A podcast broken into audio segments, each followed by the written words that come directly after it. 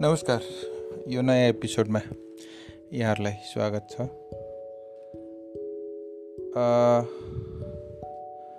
वैशाख सत्ताइस गते जब प्रधानमन्त्री केपी शर्मा ओलीले संसदबाट विश्वासको मत लिँदै हुनुहुन्थ्यो त्यो एक दिन एक दिनका लागि बोलाइएको संसदको अधिवेशनमा उहाँले विश्वासको मतका लागि आह्वान गर्नुभयो। र एक सयभन्दा कम मत उहाँले पाउनुभयो जबकि बहुमतका लागि एक सय छत्तिस जति चाहिन्थ्यो। उहाँको पक्षमा पार्टीकै महादर नेपाल समूहको अठाइसजनाले भोट गरेनन् अनुपस्थित रहे। तर विपक्षीको पनि बहुमत पुग्न सकेन र विपक्षीहरू एक सय चौबिस पुग्यो। र त्यसको लगत्तै भएको मन्त्री परिषदको बैठकमा प्रधानमन्त्री केपी ओलीले एउटा कुरा बोल्नुभयो। उहाँले भन्नुभयो कि एउटा हाम्रो रोडम्याप अनुसार नै चलिरहेछ। आज जे भयो यो विश्वासको मत नपाउनु थियो पाइएन। नपाउनको लागि मागिएको थियो। उहाँको आशय यस्तै थियो। र हाम्रै रोडम्याप अनुसार राजनीति अगाडि बढिरहेको छ। र सङ्केत थियो कि आगामी तिन दिनसम्म बहुमतका लागि दलहरूले प्रयत्न गर्नेछ तर त्यहाँ पनि पुग्ने छैन। बहुमत बहुमत पुग्न नसकेपछि अन्तत केपी शर्मा ओलीकै हातमाथि पर्थ्यो कि सबैभन्दा ठुलो दलको हैसियतमा ओलीलाई नै राष्ट्रपतिबाट प्रधानमन्त्री घोषणा हुनसक्छ भन्ने ओलीको आ अनुमान थियो। अन्तत त्यही भयो। र ओलीले यो विश्वासको मत माग्दै गर्दाखेरि दुईवटा कुरामा एकैचोटि गोल गरेको कुराहरू आयो। एउटा त आफ्नो पार्टीभित्रको समस्या। माधव नेपालहरूलाई एउटा साइजमा ल्याउनु थियो। माधव नेपाललाई माधव नेपालभित्रकै नेता कार्यकर्ताहरूबाट घेराबन्दी पारेर माधव नेपाललाई कक्रक्क पार्नु थियो भने उता विपक्षीहरूलाई पनि छिन्न भिन्न बनाउनु थियो र आगामी दिनमा विपक्षीहरूले सकेसम्म टाउको उठाउन नसकुन् भन्ने पनि थियो त्यसैले। विपक्षी गठबन्धनमा बहुमत आउन नदिनको लागि उहाँले जनता समाजवादी पार्टीको बहुमत बहुमत पक्ष महन्त ठाकुर र राजेन्द्र महतो पक्षलाई विश्वासमा लिएर अगाडि बढ्नुभयो। जसले गर्दा उनीहरूको बहुमत पुग्न सकेन एकातिर र अर्कातिर। माधव नेपाललाई यस्तो नैतिक सङ्कटमा पारिदिनु भयो कि पार्टी फुटाएर जान पनि नसक्ने र समर्थनमा पनि आउन नसक्ने अवस्था रहेको थियो। र अन्तत राजीनामाको घुर्की दिएर अगाडि बढ्दै गरेका माधव नेपाललाई आफ्नै नेता कार्यकर्ताबाट घेराबन्दीमा पारेर अन्तत ओलीसँग समझदारीका लागि अगाडि बढ्ने गरी बाध्य बाध्य हुने बनाउनु भयो। यसलाई अर्को शब्दमा भन्दाखेरि माधव नेपाललाई ओलीसँग आत्मसमर्पण गर्न बाध्य पुरा बाध्य हुने गरी एउटा चक्रव्यूह रचना गर्नुभयो र त्यो चक्रव्यूहभित्र फसाएर माधव नेपाल अहिले एउटा चङ्गुलभित्र हुनुहुन्छ र आगामी जेठ छ गते आफैले खडा गरेको उम्मेदवारको पक्षमा आफै भोट नहाल्ने गरी आफैले आफैलाई हराउँदै हुनुहुन्छ। र यसै सन्दर्भमा हिमाल खबर डट कममा पत्रकार शेखर खरेलले एउटा टिप्पणी लेख्नु भएको छ ओली पुनरागमनका पहेली भनेर यो अगाडि लेखिएको छ समाचारमा सबै क्षेत्रबाट निन्दित तथा संसदभित्रै पनि समर्थन गुमाइसकेका केपी ओलीलाई सत्ताबाट विदाय गर्नु राजनैतिक र संवैधानिक रूपमा कुनै महाभारत थिएन। तर प्रधानमन्त्रीका प्रधानमन्त्रीमा उनको पुनरागमनले उनलाई राजनी नेपाली राजनीतिका सबैभन्दा चतुर खेलाडी प्रमाणित गरिदिएको छ। गत वैशाख सत्ताइस गत सत्ताइस वैशाखमा प्रतिनिधि सभाको विशेष अधिवेशनमा विश्वासको मत प्राप्त गर्न नसकेपछि केपी शर्मा ओली प्रधानमन्त्रीबाट स्वत पदमुक्त भए। तर राष्ट्रपतिले दिएको समय सीमाभित्र संसदमा रहेका दलहरूले बहुमतको सरकार दावी गर्न नसकेपछि एकतिस वैशाखमा उनै ओली संविधानको धारा छिहत्तर तिन अनुरूप तेस्रो पटक प्रधानमन्त्री बने। सत्ताबाट बाहिरिने र भित्रिने मात्र चार दिनको चक्रले अङ्ग्रेजी भाषामा प्रचलित उक्ति the king is dead long live long live the किङको सम्झना पङ्क्तिकारलाई दिलायो।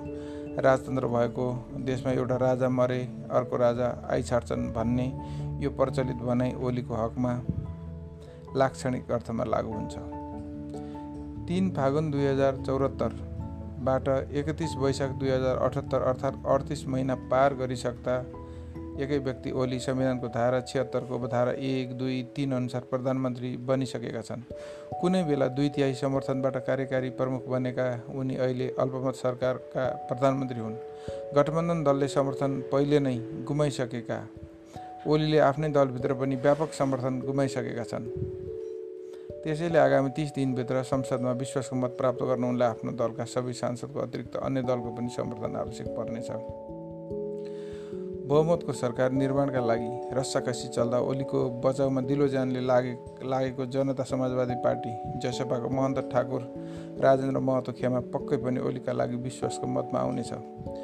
अझ त्यसअघि नै ओलीले त्यस खेमालाई सरकारमा समेत ल्याइ ल्याइसक्नेछन् तर ओलीका लागि आफ्नै दलभित्रका माधव कुमार नेपाल झलनाथ खण्डल खेमाका सांसदहरूबाट समर्थन जुटाउन चुनौतीपूर्ण हुनेछ किनकि उनीहरूबाट समर्थन पाउन ओली अहिले जुन बाटोबाट हिँडिरहेका छन् त्यसबाट धेरै पछाडि फर्किनुपर्नेछ परम ओलीको हठात संसदको विशेष अधिवेशन मार्फत विश्वासको मत लिने कदमलाई कतिपयले आत्मघाती कृत्यका रूपमा हेरेका थिए। संसदमा आफ्नै दलको प्रष्ट बहुमत नभएका कारण मात्र नभई नेपाल खनाल ओलीलाई सत्ताबाट हटाउन हदैसम्म जान सक्ने भन्ने धेरैको अनुमान थियो। तर ओलीले एउटा ठुलो राजनैतिक जोखिम उठाएरै छाडे। विश्वासको मत मार्फत उनी नेपाल खेन खनाल खेमाको नाडी छाम्न तथा जसपालाई भए सगोलमा नत्र फुटारे भए पनि आफ्नो पक्षमा ल्याउन चाहन्थे। ओलीको विश्वासको मत प्रकरणलाई फुटबलको खेलसँग तुलना गर्न सकिन्छ। सत्ताइस वैशाखको विश्वासको मतका लागि भएको मतदानसम्म उनी जसपाको ठाकुर महतो खेमालाई तटस्थताको बिन्दुसम्म ल्याउन सफल रहे तर आफ्नै पार्टी एमालेका नेपाल खनाल खेमाका अठाइस सांसद अनुपस्थित भएपछि मतदान पूर्व नै उनको हार निश्चित थियो। संविधानको धारा छिहत्तर दुई बमोजिम ओली पदमुक्त भए पनि छिहत्तर तिन बमोजिम अर्को प्रधानमन्त्री चयनको काम बाँकी रहेकाले विश्वासको मत नजुट्दा पनि उनको फिर्ती यात्राको सम्भावना पनि सकिएको थिएन। नेपाल खनाल खेमाका बिसभन्दा बढी सांसदले त्यसै दिन राजीनामा दिएका भए ओलीको छिहत्तर तिन बमोजिम प्रधानमन्त्री बन्ने सम्भावना सकिसकेको हुन्थ्यो। त्यस्तो अवस्थामा उनले विपक्षी गठबन्धन अर्थात् नेपाली काङ्ग्रेस नेकपा माओवादी केन्द्र र जसपाको उपेन्द्र यादव बाबुराम भट्टराई घटकलाई कि त वाकओभर नभएर वाकओभर नभए खेलका खातिर खेल्नु पर्थ्यो सत्ताइस वैशाखसम्मको मध्यान्तर अघिको खेलमा ओलीको तर्फबाट शून्य तथा विपक्षीबाट एक गोलको स्थिति थियो रह्यो तर सत्ताइस वैशाखमा अर्थात् मध्याह मध्यान्तरपछि ओलीले एक नभएर दुई गोल दुई दुई गोल विपक्षी पोस्टमा ठोके। जसपालाई उनले छिन्न भिन्न बनाउँदै विपक्षी गठबन्धनलाई सुविधाजनक बहुमतसम्म पुग्न दिएनन्। उता नेपाल खनाल खेमाको नाडी छाम्न चाहेका उनले खेमाका क्याप्टेन माधव कुमार नेपालको उनकै समर्थकबाट घेराबन्दी गराएर नौ नाडी गला गलाइदिए। राष्ट्रपतिले दिएको समय सीमाको अन्तिम दिन तिस वैशाखमा ओलीले नेपालसहित उनी पक्षधर चार नेतामाथिको निलम्बन फुका गरिदिएर नेपाल खनाल समूहलाई सामूहिक राजीनामाबाट पछि हट्न बाध्य पारिदिए। एकातिर नेपाल खनाल खेमाका दोस्रो पुस्ताका प्रभावशाली नेताहरूबाट नेपालमाथि दबाब बढाउँदै लगे र अर्कोतिर नयाँ सरकार गठनको समय घर्काउने रणनीतिमा ओली देखिए। अन्तत साम दाम दण्डभेद सबै उपाय प्रयोग गरेर उनले अन्तिम सिट्ठी बज्न अघि नेपाल अघि खेल आफ्नो पक्षमा पारी छाडे। विश्वासको मत प्रकरणबाट केपी ओली नेपाली राजनीतिका सबैभन्दा चतुर खेलाडी प्रमाणित भएका छन्। सर्वसत्तावादी राजनीतिक अभ्यास गैर गैर संवैधानिक आचरण महाव्याधि नियन्त्रणमा अकर्मणीय तथा राजकाज र डेलिभरीको असफलता आदि ओलीलाई विदा गर्ने यथेष्ट कारण थिए।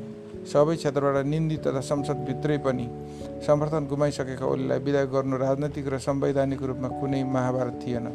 एकातिर ओली र अर्कातिर सबै पूर्व प्रधानमन्त्रीहरू एमालेका माधव कुमार नेपाल र झलनाथ खनाल माओवादी केन्द्रका पुष्पकमल दाहाल नेपाली काङ्ग्रेसका शेरबहादुर देउबा र जसपाका बाबुराम भट्टराई राजनीतिक रूपमा निष्क्रिय पूर्व प्रम लोकेन्द्रबहादुर चन्द्र मन्त्री परिषदका पूर्व अध्यक्ष खिलराज नेमी यस प्रकरणमा असान्दर्भिक भएकाले उल्लेख नगरेको हो।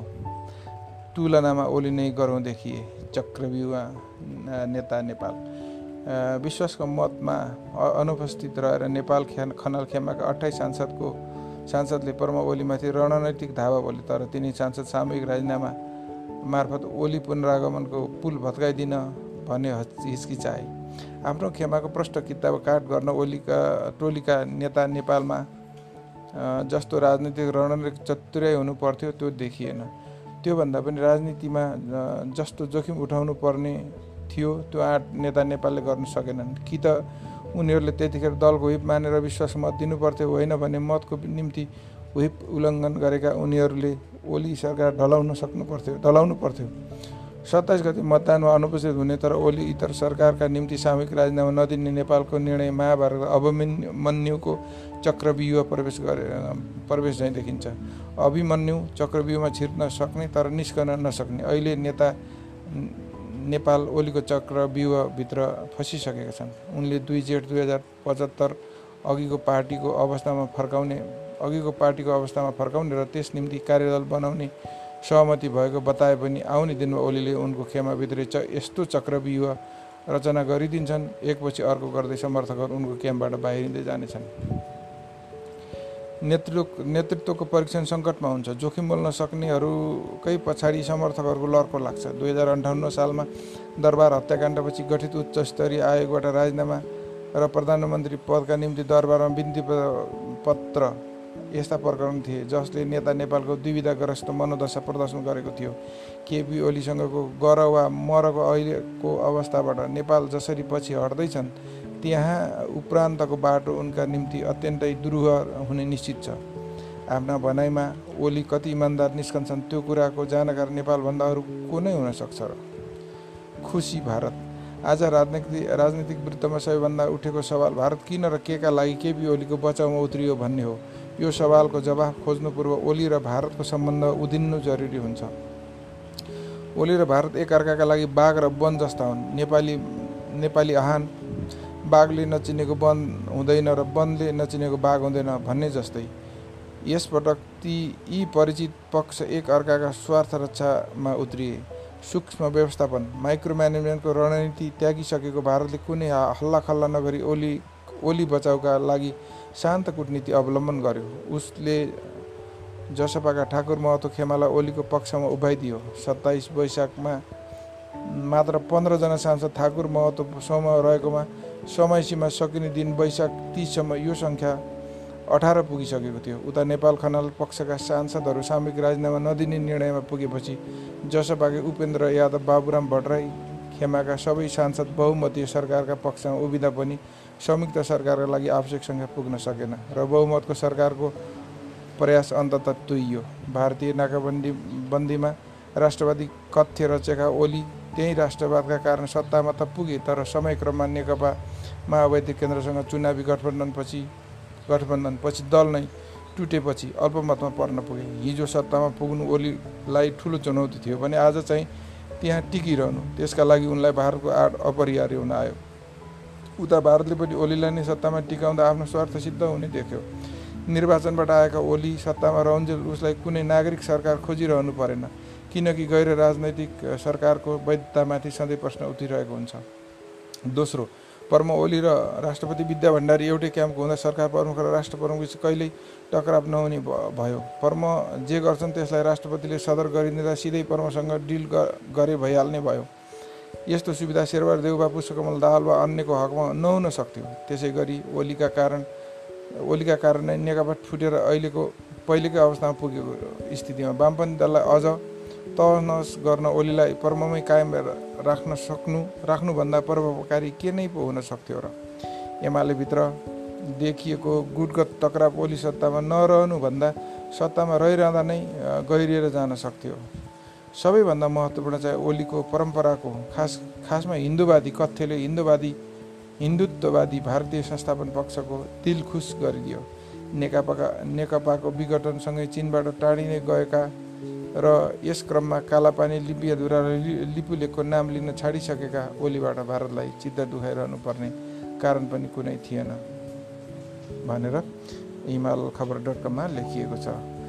हिमालय लेखेको यो पछिल्ला बुँदाहरू के कस्ता हुन् त्यो त आगामी दिनमा अझ प्रश्निँदै जानेछ किनभने लिम्बियाद्वारा लिपुलेखका कालापानीका कुराहरू संविधानको अभिन्न अङ्ग भनेर यो संसदको सम्पूर्ण मतले एक मत जस्तैले पास भइसकेका छन् र त्यसलाई अब आगामी सरकारले चाहेर पनि नचाहेर पनि यसबाट पछाडि फर्कन सक्ने अवस्था भने रहेको छैन। आगामी आगामी दिनमा कस्तो रहला? तर हिमाल खबर डट कममा लेखिएको टिप्पणी भने यही हो। आजलाई यति नै। अर्को एपिसोडमा भेटौँला। अहिलेलाई बिदा चाहन्छु। नमस्कार।